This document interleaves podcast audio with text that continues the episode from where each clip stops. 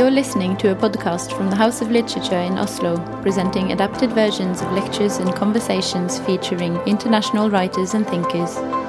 You can find more information about the house and our events on our website.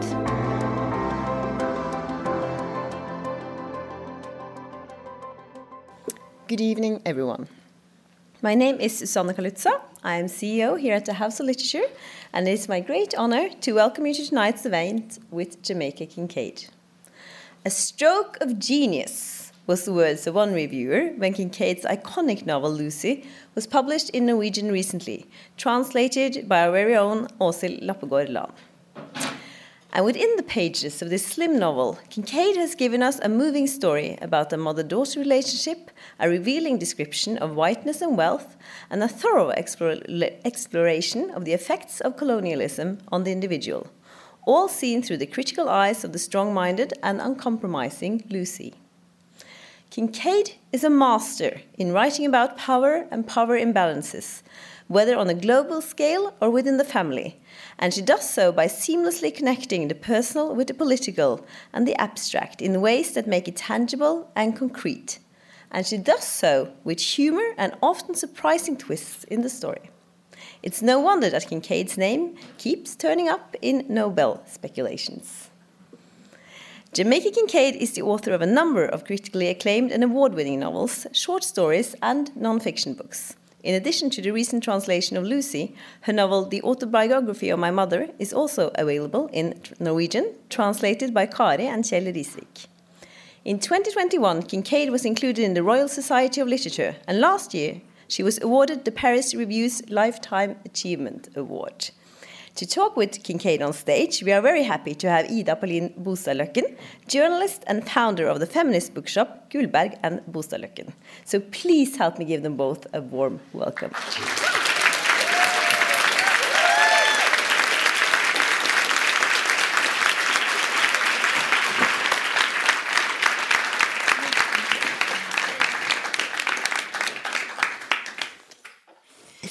To be looking at something that you used to know. Um, Your books? Yes, I used to do them. but, uh, and now you're doing gardening. Yes, well, no, I still write uh, the books, but um, uh, they, they, I've, I've forgotten.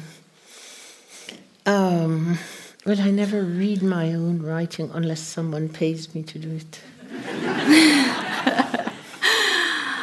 Today you're going to read some of it. Welcome back to Oslo, Jamaica. I hope you have it in English. I do. Oh. it would be really funny to get you to read them in Norwegian, but it would be. There's the picador. Oh, and I particularly like that cover the headless mother. Yes. yes. And the daughter bringing her flowers. Yeah, it's sad. And no, it's somehow funny. Funny. Funny. Yes. Welcome back to Oslo. I, we just spoke earlier that Trump, Brexit, and COVID has happened in between the last time and now. That I was here. Two bad things and one good thing. What's the good thing? The Brexit, maybe. oh, yes. Oh, I've been enjoying. Um, well, first disappointed that Scotland didn't become independent. Mm. And then my friend told me, well, you know, the Scots had a lot to do with the slave trade, so I had to modify that. and uh, um, then Brexit, yes, which um, I have a, a thought, which it doesn't make sense, but when you first hear it, but if you think about it, you'll see how it makes sense that intelligence is often a form of stupidity. How could intelligent people do a stupid thing like Brexit? Hmm. I mean, they had to be intelligent. It's the 17th largest island on the face of the earth, and it ruled over one quarter of the world's population and even more. So they must have been intelligent. If that's the definition of intelligence, for it's, sure, yeah. But let that ship sink now. the title of this talk is The Gospel of Lucy. Whoa. Mm -hmm. So I should ah. suggest that we try to stick to Lucy and uh, yes. uh, to see yes. what she has to yes. teach us. yes, it's very important to keep me on top of the subject because, as my my students well know, I often lead them down a rabbit hole. So yes, Lucy. Lucy. Let's give our audience a quick summary of the novel, just so we all know what we're talking about. My edition is 127 pages long, and the internet is I think, offering me a million of theses written about this uh, novel. It's a, it's a popular uh, subject indeed. It's like a garden, giving and giving out of control. Uh-huh. Lucy is the narrator of uh, this story. Yes. Just tell me, where does it begin? Where does uh, her her narration begins? Mm -hmm. Oh, um, at her, around her late teenage years, uh, she was sent by her parents to live and work as a servant with a family in America because she was the oldest of four children. And um, the expectation would be that she would send her earnings back to her family because her her stepfather, the other children's father, had gotten sick. He was older than the mother of Lucy and the other children, and um, a very skilled carpenter, hmm. but also and also had been a cricketer in his youth um, but also really rather vain and had been very good looking and selfish and you know just the sort of man that uh, many women uh, are attracted to including myself when i was younger but not so now um, so lucy she has to go away yes so she, she's sent, away. sent away and she's very resentful of of, of this, and uh, um, she begins to um, uh, assert herself in in doing things um, such as, for instance, not sending home her paycheck, mm. but buying, uh, using it to buy clothes at that time, the most expensive department store on Fifth Avenue. Um, she was the best dressed au pair you ever saw. she even had a Mary Quant dress. nice. Yes. There's a lot of about clothes and materials and patterns in all of your mm-hmm. books. Mm-hmm. I can tell you about that if you like. Maybe later, but what I think that we just need to, even though it's a taboo somehow when you interview an author, to say, is it about you? But I think that we need you. Some... You can say it is about me. Yeah, it's always about me. it's always about It's always you. about me. I, I, I teach a class on the garden, and it's all about me. Mm. Because you also left. You you also had to leave even when you were even younger than Lucy, 16 and a half from yes, Antigua. Yes, yes. The Lucy story parallels almost to the punctuation my mm. own life. Yes. Uh, and I noticed that in every interview you do not use the expression au pair. No, I don't. Um, even though that is exactly what I, I was. I happened I I happen to have been um, with a family who were incredibly liberal. Um, and so they really hired me uh, to take care of, of their children. In fact, I found um, I was sent to America with another family um, that uh, lived on the American base in Antigua. And um, while with them, I went to school at nights and got finished, completed my high school education. Mm. And um, I had a friend whose name I use in the book, Patty Puff was her name, and uh, she lived in Harrison and um, New York, and we would. Some, oh, I met her because her cousin was an, another au pair from Ireland. Her name was Margaret, and she disapproved of Margaret, but for some reason she liked me. But her parents were incredibly racist, and um, the, and I didn't I didn't understand American racism. When I first went to America, and I'll tell you why.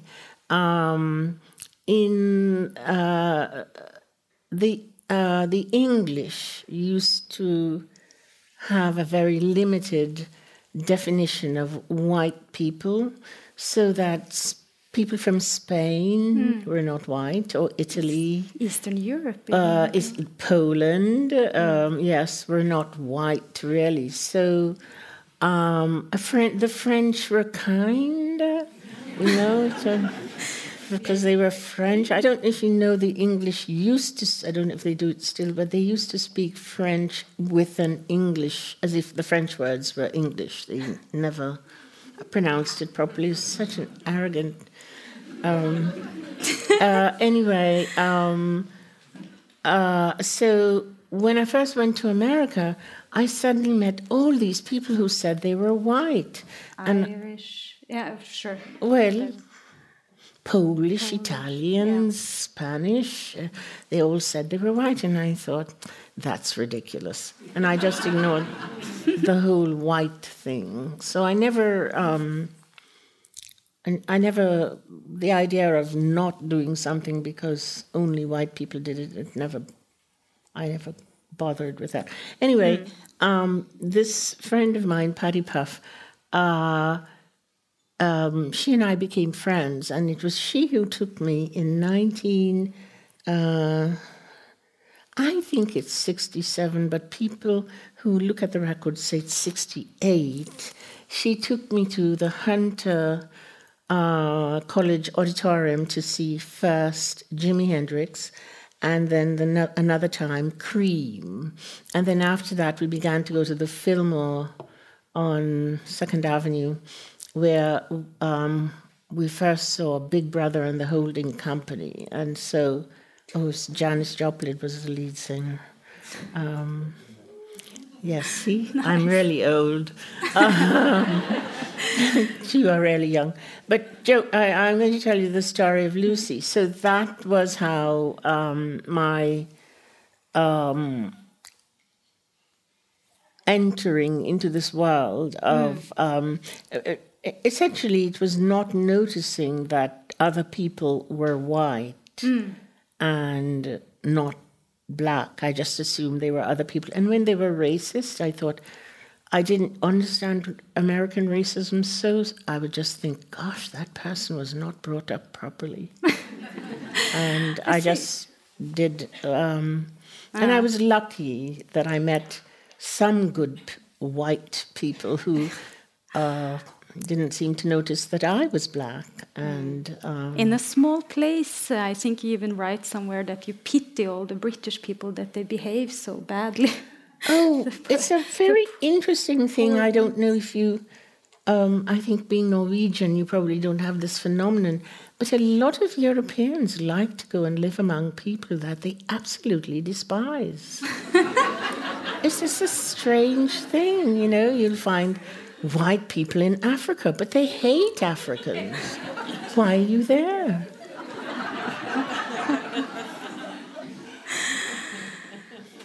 Yeah, it's a curious. Uh, it's very. It's very. It's more than. It's so strange. It's like, are you crazy? How did you become like that? Yes, that's the main question. the main question that, Lucy asks. Yeah. Um, yes, but but her world is um, not to. You asked me how she um, uh, she was a very uh, bitter person mm. at, at that because she felt um, uh, a rather mis- mistreated and um, un- and injustice had been visited on her. She was very smart. She was supposed to go to university on scholarships and all sorts of things, and suddenly her world was upended, and she didn't really know what to make of it. Um, She she's experiencing a lot of things, Lucy, um, except uh, like sunshine in minus degrees. oh God, that was a shock.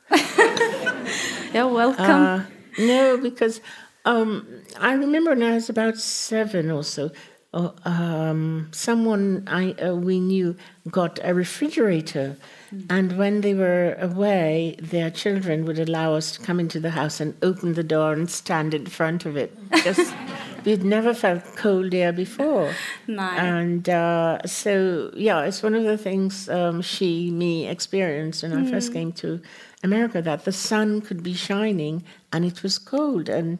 Uh, you know, I mean, who is it? Hegel says geography is destiny. It's more complicated and also more mysterious and enjoyable. Imagine that your geography is hot and you've never experienced cold except in front of a refrigerator. Isn't that kind of fun? It is indeed. It is not so much fun for Lucy, though. At, No. at page three here, she she is describing it as I was no longer in a tropical zone, and this realization now entered my life like a flow of water dividing formerly dry and solid ground, creating two banks one of which was my past, so familiar, familiar and predictable that even my unhappiness then made me happy now just to think of it. The other, my future, a grey blank, an overcast seascape on which rain was falling and no boats were in sight. And I wonder, there is a lot of water in your books. It's raining and boys are drowning in the river and the mother in Annie John disappearing and reappearing. It's so stressful. Yeah. She must not drown. what is uh, the two banks here being created in Lucy? Oh, um, you know, it's very difficult to think of your own work in analytical uh, uh, terms um, uh, uh, because you are already doing that when you're writing it, but um, not putting it quite so much so it reads like. Um, um, Or what does water mean to you? I grew up on an island. a very small island. You could walk ar- around it three times in one day. Um, I saw the sea every day and it terrified me. The idea that I could not get off, I didn't know I could get off. I thought if I walked to the end, I was sort of a a kind of version of a flat earth person, you know. If I walked to the edge of the island, um, that was the end. I would never, um, and, and for that reason, I can't swim. There's a myth in America um, about black people not being able to swim because they have big bottoms. Uh, you've never heard of that prejudice? That's very childish. The, the weird- prejudice? It's a Oh, racist and Oh, very gosh, weird you, thing. Oh, you think that's childish? Some of the things uh, uh, people um, say about African Americans, it's just, it's just a wonder that it could be the same people who first went to the moon. it's just so, really? Um, but uh, no, I saw water every day, and then I, I- there was a period in my childhood where it didn't rain for a long time. So I grew up in a in a kind of drought, and the reason for that is that Antigua was deforested to grow sugar cane, um, and it created conditions um, for drought. Uh, so I grew up in a. Um, I think there was a hurricane in 1950. My mother used to re- tell So there me. was no rain because of sugarcane production through slavery. Yes, The- yes. So the island suffered. It's it. when you, I think I wrote about it in a small place. When you go to Antigua and you see that it's lush and green, mm. you should just go home. Your holiday's ruined. Because what you want to do is go to a place that's just always sunny and bright. And for the few days you are there, and then you get on the plane and leave the people who live there to their misery of waterlessness. So they even control the weather the, the, British, even actually. Well, well, yes, colonialism, um, the conquest of other people. Yeah, uh, um, that's what you want to mm. conquer them and um, dispossess them mm. of um, everything, including themselves, and uh, you take everything, including them, mm. and um, yeah, it's a very yeah, it's a very you know, uh, um, sometimes also when I'm teaching this idea, this idea in which uh, so so many of my students will often, because they're African Americans, um, not all of them, but uh, African Americans, but they often feel, you know, the um, the endlessness of the situation of racism, mm. and then I have them read uh, um, the Gallic Wars by Julius Caesar in which uh, Julius Caesar has nothing but contempt for the Germans. First, he thinks they're really stupid because they don't know how to ride horses properly. And uh, he says all kinds of disgusting things about the Britons, the Welsh. Everybody is just. Uh, you know, and, and um, the Roman Roman wealth came from Hispania, um, Spain, um, which to me explains why when the Spaniards went out into the world, they were so greedy for minerals because that's what they were known mm. known for. Their conquerors wanted them to mine. Mm. Um, but uh, so we read it, and um, I want them to write a letter to Julius Caesar, 1500, 2000 years ago, to say, you know, these assholes you were so contemptuous of are mm. now running the world. Um, and that's, that's the way uh, a lot of things have worked. People who were on top, uh, it sort of turns around. Mm. Um, so I was uh, I was trying to say things like that in Lucy, by the way. Yeah, um, we've yes. noticed. She is arriving New York, working as a servant with this white, liberal, super mm. nice family. They are somehow annoying in many ways. I, I, must say, I, I, I, cringed quite often reading uh, this oh. book, and I wondered if you could read. I wondered if you could read uh, some here. I I should From, tell you, mm-hmm. you know, the person who's Maria in the. Um, uh, when I was writing uh, um, those sto- the what became Lucy, the chapters were published uh, in the New Yorker, mm. and at one point she wrote me a letter to mm. say, um, "You have to stop this. The children are very upset." And um, the f- the bouquet of the four girls. Yes. Yeah. Uh, and um, of course, I would never stop doing something just because someone told me to. and uh, then later she said to me, I'm so grateful for this book. It's the only account I have, true account I have of my marriage. Mm. And um, she died recently. We remained friends. Yeah. Um, yeah, she died recently. And uh, I wrote to one of the daughters and uh, said, You know, your mother was like a mother to me. And she was. She was the kindest person mm. uh, to me. And the daughter wrote back and said, um, It's very nice of you to say that, but um, don't tell my sisters because our mother spent much time not wanting to be our mother. And so it ended the uh, conversation. But a hmm. lot of my another mother that didn't want to be a mother. uh, well, she would. She liked being my mother, yeah. but she didn't like being her children's mother because it has people don't really take this in. It's a, mm. it's a very hard thing to be a mother. I mean, I think we are now sort of understanding that the mother is not uh, the source of everything. Um, you know that the mother is a person. That the mother. Oh gosh. Yes, yes. The mother has dreams, and mm. you know. Uh, yeah, uh, never mind. We will talk Rabbit more about the mother we very soon. It's somehow the, your main topic. But it's I, my main I topic. Just, I just wanted people to experience how uncomfortable uh, it, it somehow can be. so it was. It is from. It was dinner, and then until, until the end. Until the end. Yes. Very well.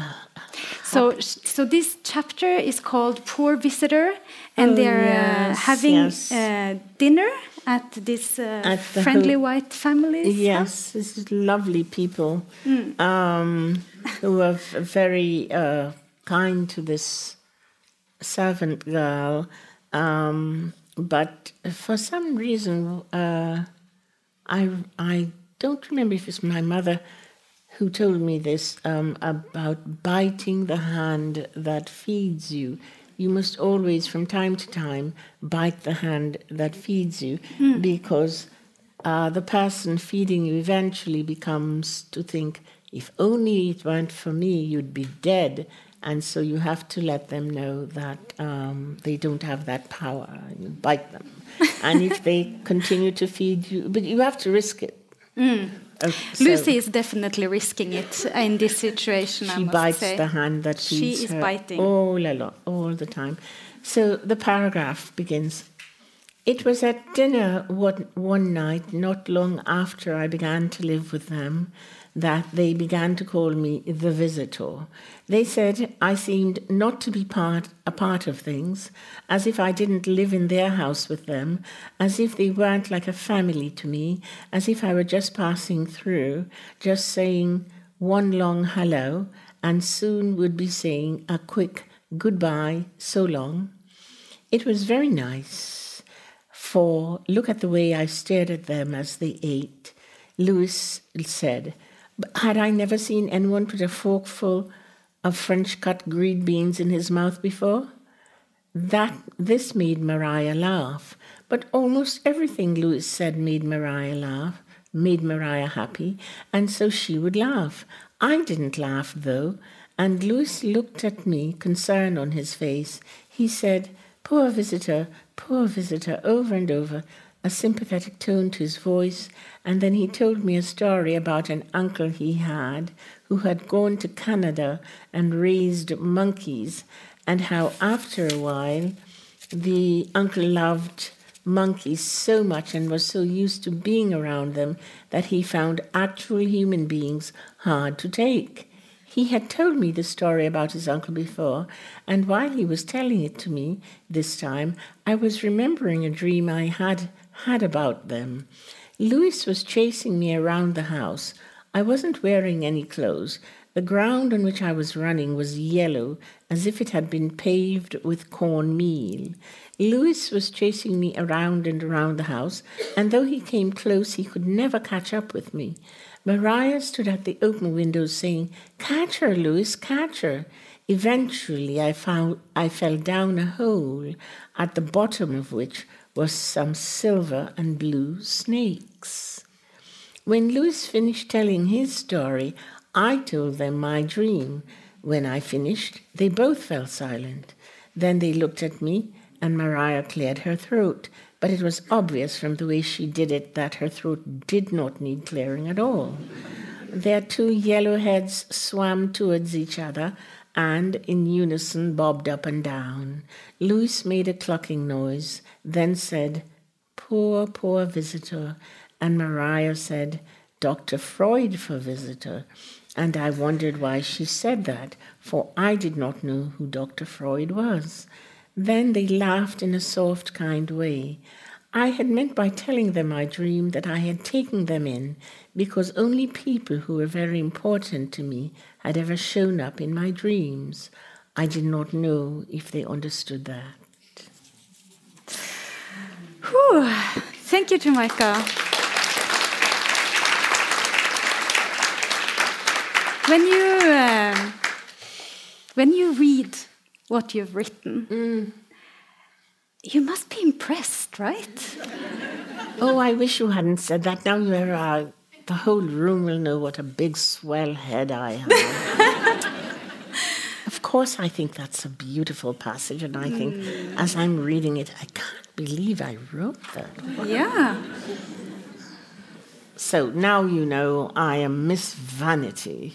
It's out there. Well, she's somehow forcing her subjectivity on them. Or, so do you think? I know it's hard to analyze your own text, but do you think that Lucy know what she's doing here, telling them about her dream? Yes, in her way. Where I'm from, people tell their dreams all the time, and they look for things in it. Um, they know they know why they're doing it. No one is ignorant um, naturally. It's just that you do certain things that are ignorant, and you, especially if they benefit you, you continue to do these ignorant things. If they, um, uh, if they especially bring you a huge fortune, like buy Twitter. That's a, um, but um, of course she um, understood, but not, um, you know, uh, without having read Freud or even known there was someone like Freud. Um, you know, Freud is just um, all young, all of the, the there are versions of individuals in every group of people who can understand, listen to you and understand something you're saying um, in relation to your uh, society you're in. Um, she knew what she was was saying. She knew, but but couldn't, of course, because of her limited experience, couldn't understand how it would reverberate through them, and um, that they uh, might interpret it because snakes for them might mean p- a penis, whereas for her a snake wasn't a penis at all, but a treacherous thing. And I suppose some people think a penis is a treacherous thing. um, but yes, she she knew, but again, not understanding, like uh, quite the way Mariah would have shown her the daffodils, not understanding wha- what it would mean uh, to her, even after her telling uh, Mariah. There, there's a scene in the book. In Yeah, let's go there immediately. Mariah and the daffodils, it says here. And then there is Mariah and the daffodils. and the daffodils. daffodils, yes. Daffodils, it's påskeliljer in Norwegian. So just everybody. It's, what it. Easter lilies, we call them. Påskeliljer. Oh, wow, you call them. That's interesting. Mm. Yeah. They're not native to here. You know, there isn't a flower that Holland sells that's native to Holland. Didn't you know that? Let that sink in. Everything they sell, they got it from somewhere else, starting with the tulip. Mariah really loves daffodils. Yes, And Lucy, she has a different relationship to daffodils. she does. Again, um, uh, uh, in a colonial education, um, you know, our uh, curriculum was probably designed um, by someone who went to Eton, a place that one should just drop a bomb on, but not kill anybody. Just, just. Um, and um, actually, I still have. Uh, whenever I can find them, I buy them. The school books we we we were uh, taught from, and um, a lot of the uh, our education was, was reciting and memorizing poems. And um, it's not just my school, but if you go to people of a certain age, um, Derek Walcott, The Mighty Sparrow, um, oh, people in Kenya, in a certain uh, age, uh, their education involved memorizing I Wandered Lonely as a Cloud. Hmm. And almost all of us live in tropical climates in which a tulip does, uh, daffodil does not grow. And I, I just remember uh, um, wondering, and I was about 10. I had a very political mother, and I absorbed a lot of her um, likes and dislikes, political likes and dislikes. And uh, I just somehow knew that the daffodil um, was making me commit to my memory, which, as we all know, is the source of so many things that are traumatic or wonderful or, you know, memory Incidentally, you know, memory is Zeus's sister.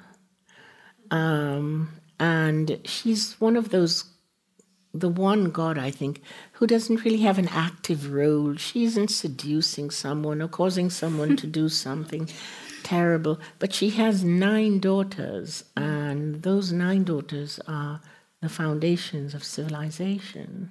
So memory is a it, it's a substantial yeah not just the brain but the memory memory it's a it's a a thing so we were asked to memorize uh, the many things mm. that had nothing uh, to do with anything about us and it in, in many ways distorted us irrevocably. I mean, the crime of that. You uh, also had to write "Ignorance is bliss" a couple yes, of times. Yes, that I had to do when I was about six. I yeah. had done something bad, and my punishment was "Ignorance is bliss; it's folly to be wise." I had to write it a thousand times. You it, didn't uh, integrate that no, message. No, but the thing I did integrate was I had to another punishment I had to um, copy out books one and two of Paradise Lost mm. by John Milton, and I naturally uh, identified with you know who. Um, Lucifer. I, I hated, Lu- yes, Lucifer. Forgetting. it's allowed to say it. Yes. well, he was the favorite. Lucifer, son of the morning light, is what his name mean, means, and he was a very good son. And then he um, rebelled, and his the his famous motto for me is "Better to rule in hell than to serve in heaven." Mm. I really like no more servant business. No more servants. But the daffodil, I have to tell you about the daffodils. Mm. So I had to memorize this poem about the daffodil, a flower I would never see. And and this it's such a great poem that if you've never seen a daffodil, you need not see the daffodil to know how beautiful and wonderful it is. You know, he describes them dancing in the breeze and oh gosh, and and I think um, it, it's one of the great great poems, and actually the English should be brought to trial for um, the crime against Wordsworth. Um, so mm. the the the uh, uh, head of the household in, in Lucy um, loves daffodils, and one day takes her to Central Park to see the daffodils. And Lucy can't keep her anger in and tells her the whole story uh, about the daffodils. And Mariah is very sad. I, I really, I've been very lucky in my life that for all the horrible white people in the world, mm. I met only the best ones. They have the ones I met were so wonderful to me. One of them took me to the New Yorker. That's how I became a New Yorker writer. Uh, writer named George W. S. Trow just said to me one day, Would you like to meet Mr. Shawn? I had no idea who Mr. Shawn was. I said, Sure. I met Mr. Shawn and I was hired as a talk writer. Um, you met good people, but you've also been really brave. You think? to say sure. oh. but Mariah, she's nice, but she's a bit ignorant because Lucy has told her about memorizing the letter and that she didn't like it or that she tried to, to erase it. And then they finally go to Central Park to yes. see the flowers. There's a handkerchief involved, like. Oh, and then the like revelation Mariah of the daffodils. shows her the world somehow. Yes. And then Mariah says, I'm sorry about the poem, but I hope you find yes. them lovely anyway. It's like saying, I'm sorry about colonialism, but I hope you like the flowers anyway. Or um, not quite. but, but uh, I see I see what being what you mean. forced to memorize this poem yes. from some British yes. wonderful yes, you poet, got, but there is somehow yeah, mm. you couldn't go up to the next grade if you didn't know certain things, mm. and it was all about England. I could tell you all the the history of of England. Mm. Not only that, I thought Wales and Scotland were provinces of England. I, because the whole thing was England, mm. and um, uh, so uh, I, I should uh, the redemption of this is that one day when I moved to Vermont and started to garden, um, and still wouldn't plant daffodils, and it dawned on me that I was punishing Shakespeare, uh, Wordsworth, Wordsworth and this wonderful flower, or this flower, let's say it's not wonderful, it's a flower, uh, for this crime against humanity um, perpetrated by people native to the 17th largest island on Earth. Remember that. 17. And they ruled. Yeah, it's not, they ruled how big parts of the world? Two um, thirds. No, a, a, good, almost a half. Mm. The, we used to walk into our classroom and see a map of the world, and a lot of it was pink, and all the pink was English. I have a map um, that sh- shows a map of the earth that sh- it says the places Engl- England didn't invade, and they're like three tiny spots, three tiny white spots. The rest of it is all pink. But um, the daffodils in your garden. The da- yes. So after I had this realization, I then proceeded to plant daffodils on my lawn, and I. Uh, sometime a while ago now, I reached 10,000, but now I have 21,000. And the lawn is just extraordinary. It, they're starting to come up. It's just this um, golden field, and it's not a lawn really, it's a field of, of yellow, and I call it um, Redeeming Wordsworth. And uh, I often have friends over and we recite the poem and, and get drunk. because it's.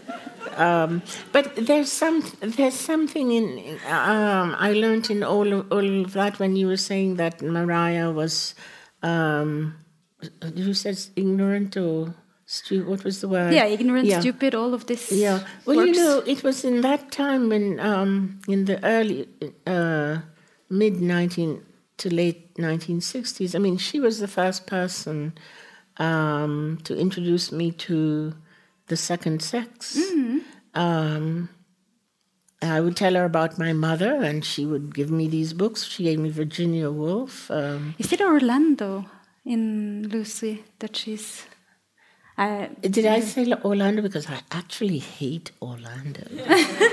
um, I don't Virginia remember, Woolf but it's Wolf and yeah. Yes, mm. and um, uh, uh, no, was was um, her her plight was was um, she wanted to be a painter, mm. and it was difficult uh, for a woman in 1968. You know, as you were Helen, there are a few painters. Um, Mariah wanted to become a painter. Yes, mm. she painted. She turned the uh, dining room into a studio, and um, at four. This is how you can tell I'm an au pair. At four o'clock, when the children came home from school, yeah my job was done. And then that was when I went to night school at the New School for Social Research. Uh, and I didn't work on, on weekends. She she was a very um, we remained friends mm. for a long time. Mm. Um, you know, but I could I grew up with women and men who had this kind of underground, not un- underneath, not underground, it was some kind of warfare. Mm. Um, so I recognized her predicament. Not in, not exactly. I mean, you know, I remember once, and I may have written about it. I can't remember. My mother and father had a fight, and um, or a quarrel, and he was so angry he threw his food on the ground and walked away. And my mother carefully picked it up, put it back on the plate, covered it, and put it um, at the dinner table. Mm. Um, so that night, when he came home to dinner and uncovered his plate, he met the food he had thrown in the ground. I thought that was brilliant. Yeah. Um, so I was small used, protest. Well, yeah, I was sort of used to men and women being. Mm. Uh, um, so uh, and women having a hard time um, mm. with their lives. So I was I was very sympathetic to her, but at the same time, since I saw her position position slightly like my mother's, I was determined uh, not to have yeah. that kind of life, um, and somehow. Um, going being sent away allowed that to be true. I think I would have not been married and have children if I'd continued to live uh, uh, in Antigua. I'm quite sure of it. I I never really met in my youth in Antigua um, uh, someone I had a uh, I thought, oh, I'd like to spend my life with him. My friend um, in the book always was romantic romanticizing about someone. I just thought she was so silly. Because mm. um, I, I really wanted to be a writer, but I didn't know it was possible. Mm. So I would have just been one of the many frustrated people in the world. We're happy that you came to a place where you could write. Thank you. But Thank she had to. Uh, to uh, end Lucy has to end her relationship with her mother. At the same time as she's getting closer and closer to Mariah, she's cutting off her mother. Yes. Wearing her letters close to her heart so she will be reminded of her hatred towards her. Isn't it? She's she hates her mother. Not not necessarily only, but there is a great deal of anger yes. there. Uh, um hatred isn't uh, yeah i've hated and um, mm. that wasn't quite it but it was was true i have a sentence in something i wrote my mother would would kill me if she could and i would, would kill, kill her, her, if i had the courage mm. i wouldn't have the courage to mm. kill her but she really was a piece of work. And yet, on, on you know, I owe her a great deal. She taught yeah. me to read mm. um, whole words. I could read by the time I was three and a half. Mm. Uh, in a way, uh, she taught me um, to cultivate memory she would go through a trunk of my clothes and her old clothes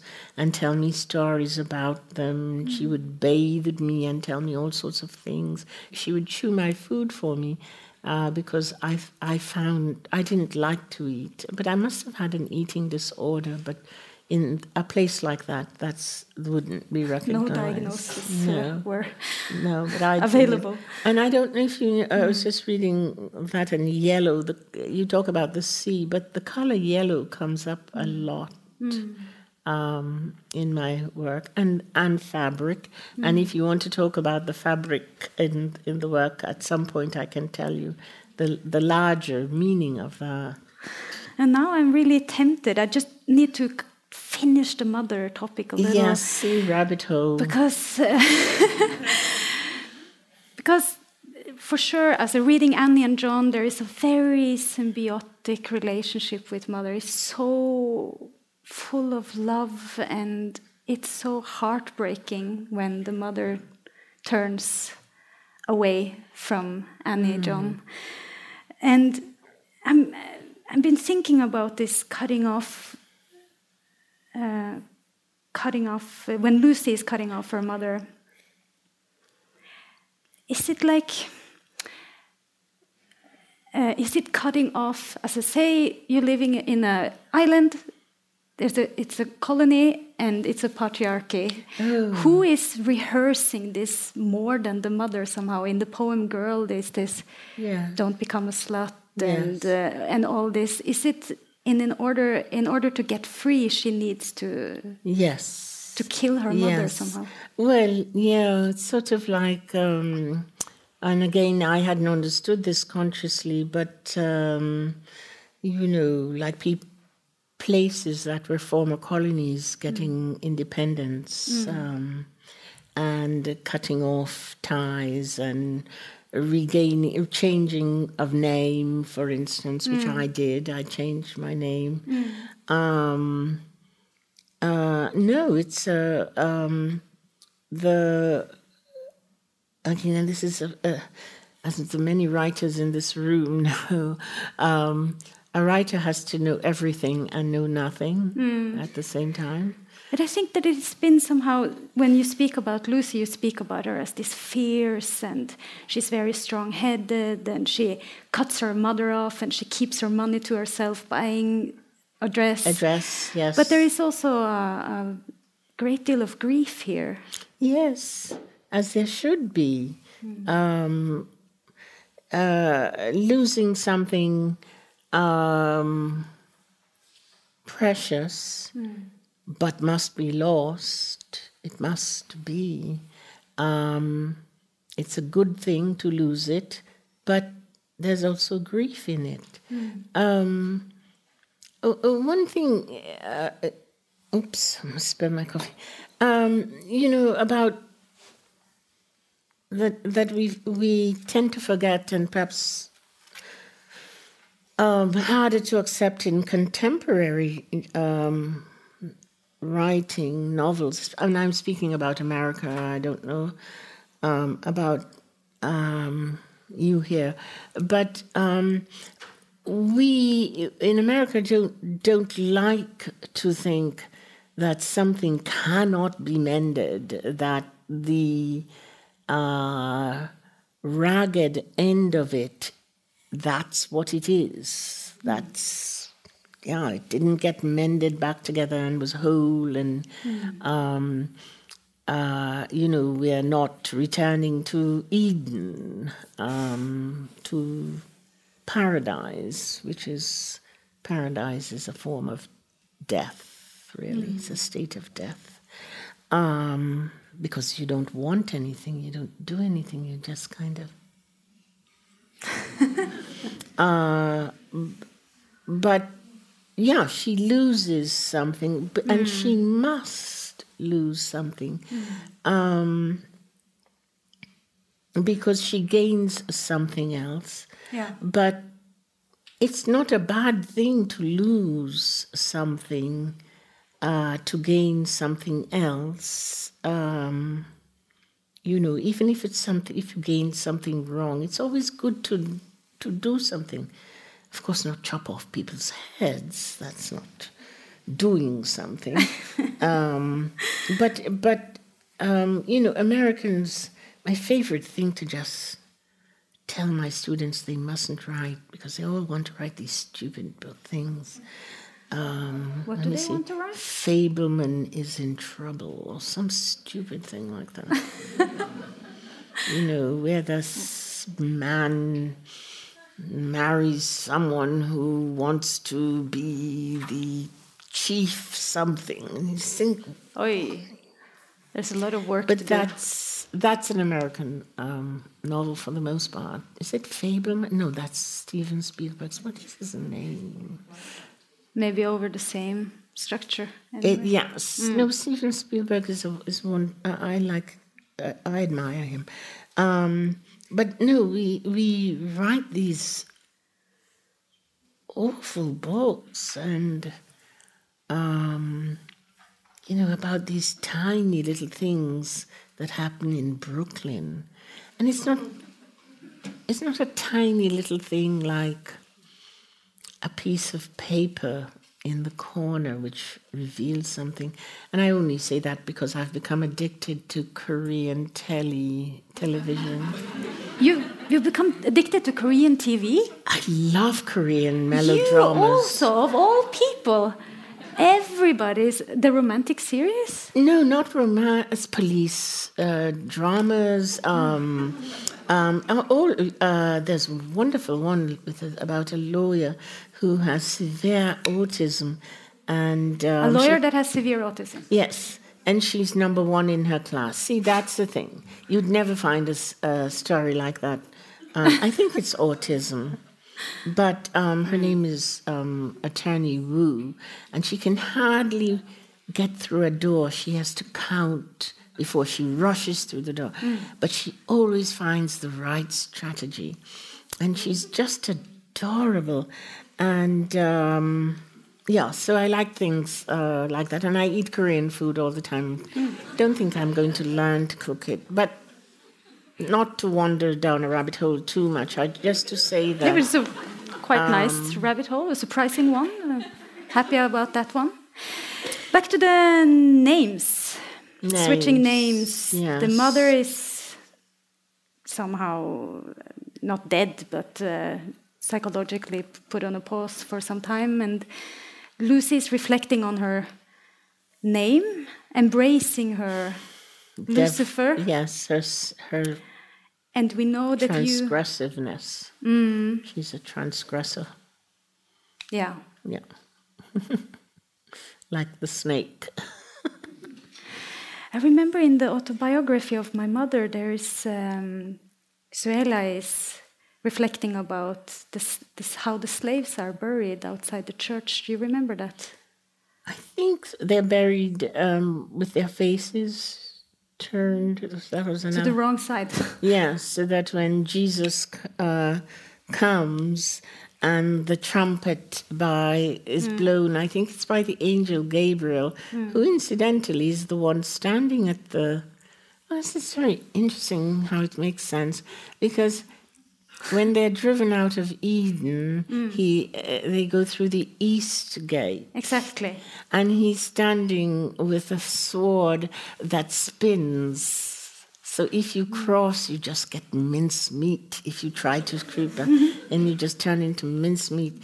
And um, uh, yes, so to Yeah, so they are not allowed to enter. And No. then, then Xuela is reflecting, thinking, what if they're not interested in that? what, if, they're not? Yeah. Yes, because yes, well, um, the slaves were always buried facing west, because on the day of judgment, um, all the people who rise up will face east, and um, which, as I say, is the gate. It's the eastern gate that Adam and Eve. Uh, exit. I'm always interested in all these these things. Uh, um, sometimes I think I'm on the verge of becoming a, a Torah scholar, but don't worry, it's not going to happen. um, I'm always interested in how these things manifest in so many ways. be- uh, um, because why is they Adam and Eve through the east, but when the it's going to be east? The other thing I I was um, I've always uh, become interested in, but that's through the garden, is um, and saw that it was good. Um, these things are informing things I'm writing now, so maybe I shouldn't talk about them. Um, but you know that part of the beginning of the Bible where it says, and God created and saw that it was good. Well, it's obviously, you can only see that it was good because there are many others that weren't good. You So- need to have something to Yes. compare. Yes. And so I began to think about that and actually ask a Torah scholar. And apparently there's lots of things written uh, about the many earths that God created that were not good and they're just like hanging out there. um, and uh, uh, then the other thing is um, um, making uh, uh, a water flows from the garden and it divides into four. And that turns out to be the eternal classic design of a garden, a quadrant. Yeah, this I didn't know. It, well, come to me. I wish. Anyway, Um, Lucy is embracing this darkness, not uh, or or she's embracing her name, Lucif- uh, Lucy Lucifer. Lucifer, Mhm. yes. And uh, Xuela in in the autobiography of my mother is also doing. Uh, she's reflecting on her name. Um, that it is intoxicating with hatred to, to, to live in such a name, a name that is given to you by, by the wrong people. And you yourself changed uh, your name. Did you consider several names before you? I did actually. Yeah. Yes. Um, but, uh, uh, oh gosh, do you really want to hear them? I mean, you can look them up online. But um, it was a question of Jamaica Kincaid, um, Havana, and Dominica Davenport. Dominica Davenport. Yes, you could have been reading books by Havana Davenport. But Jamaica um, uh, seemed um, right. Havana, I think, Havana is Spanish, but of the, uh, Yeah, because that's important, right? yeah, Yeah. because of the four uh, islands in the larger Antilles that Columbus fell on. Um, Drifting by, naming them. Yes, Cuba was always Cuba. It's an Arawak name, I think. Haiti is Haiti. Uh, Jamaica is Jamaica. And I don't know, I think Puerto Rico is Puerto Rico's Spanish. But um, the names of these places uh, were always yeah, um, name, names are Im- important. In fact, you know, a big part of the class I teach on on the garden is the renaming of um, things, and we have a whole discussion on what it means to name. Now, if you if you look at the uh, names of things, you'll see um, really it's a history of dispossession and and possession because uh, when you name something, you um, begin to give it a meaning that is useful to you and important to you.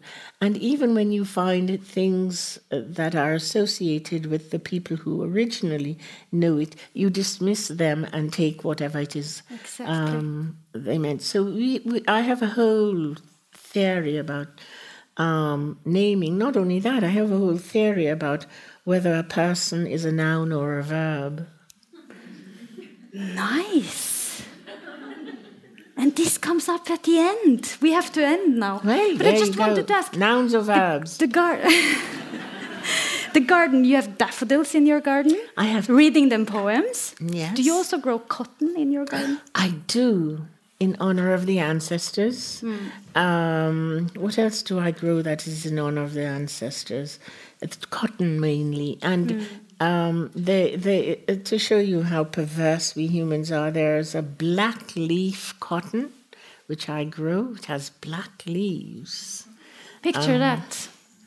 um, and it has beautiful flowers. But I never get any cotton because Vermont has too short a season. It's why there wasn't much slavery. Uh, slavery was all over America, um, but it didn't really prosper as much in the Northeast because it's not slavery is basically agricultural and mm. yeah, it didn't didn't really work out in places like Vermont. season is too short. It's great to think about your important works that gives us insight to into how it must have been to grow up in a colonial on a colonial island and to think about your garden at the same time. It's and, a uh, it's yes, a beautiful poem in itself. Well, thank you. But I, uh, as I've said so many terrible and true things about my mother, I will also um, mm. say some true things that were wonderful about her. That um, not only did she teach me to read, uh, but a lot of the things that I think about, um, I uh, run. They run through her. What was interesting about her, the Kronos part, is as um, mm. yeah, at some point, sending me away to America um, while I was at the height of my um, um, secondary education triumph. I was always first in my class. I was obnoxious about that. a teacher's pet. Um, that was when she was Kronos. She ate me at night. Mm. So thank you. Thank you so much, Jamaica.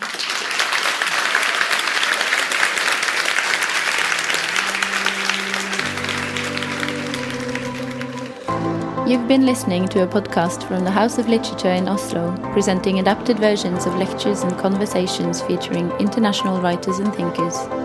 You can find more episodes and subscribe to our podcast on iTunes, SoundCloud, and our website. The music is by Apotek.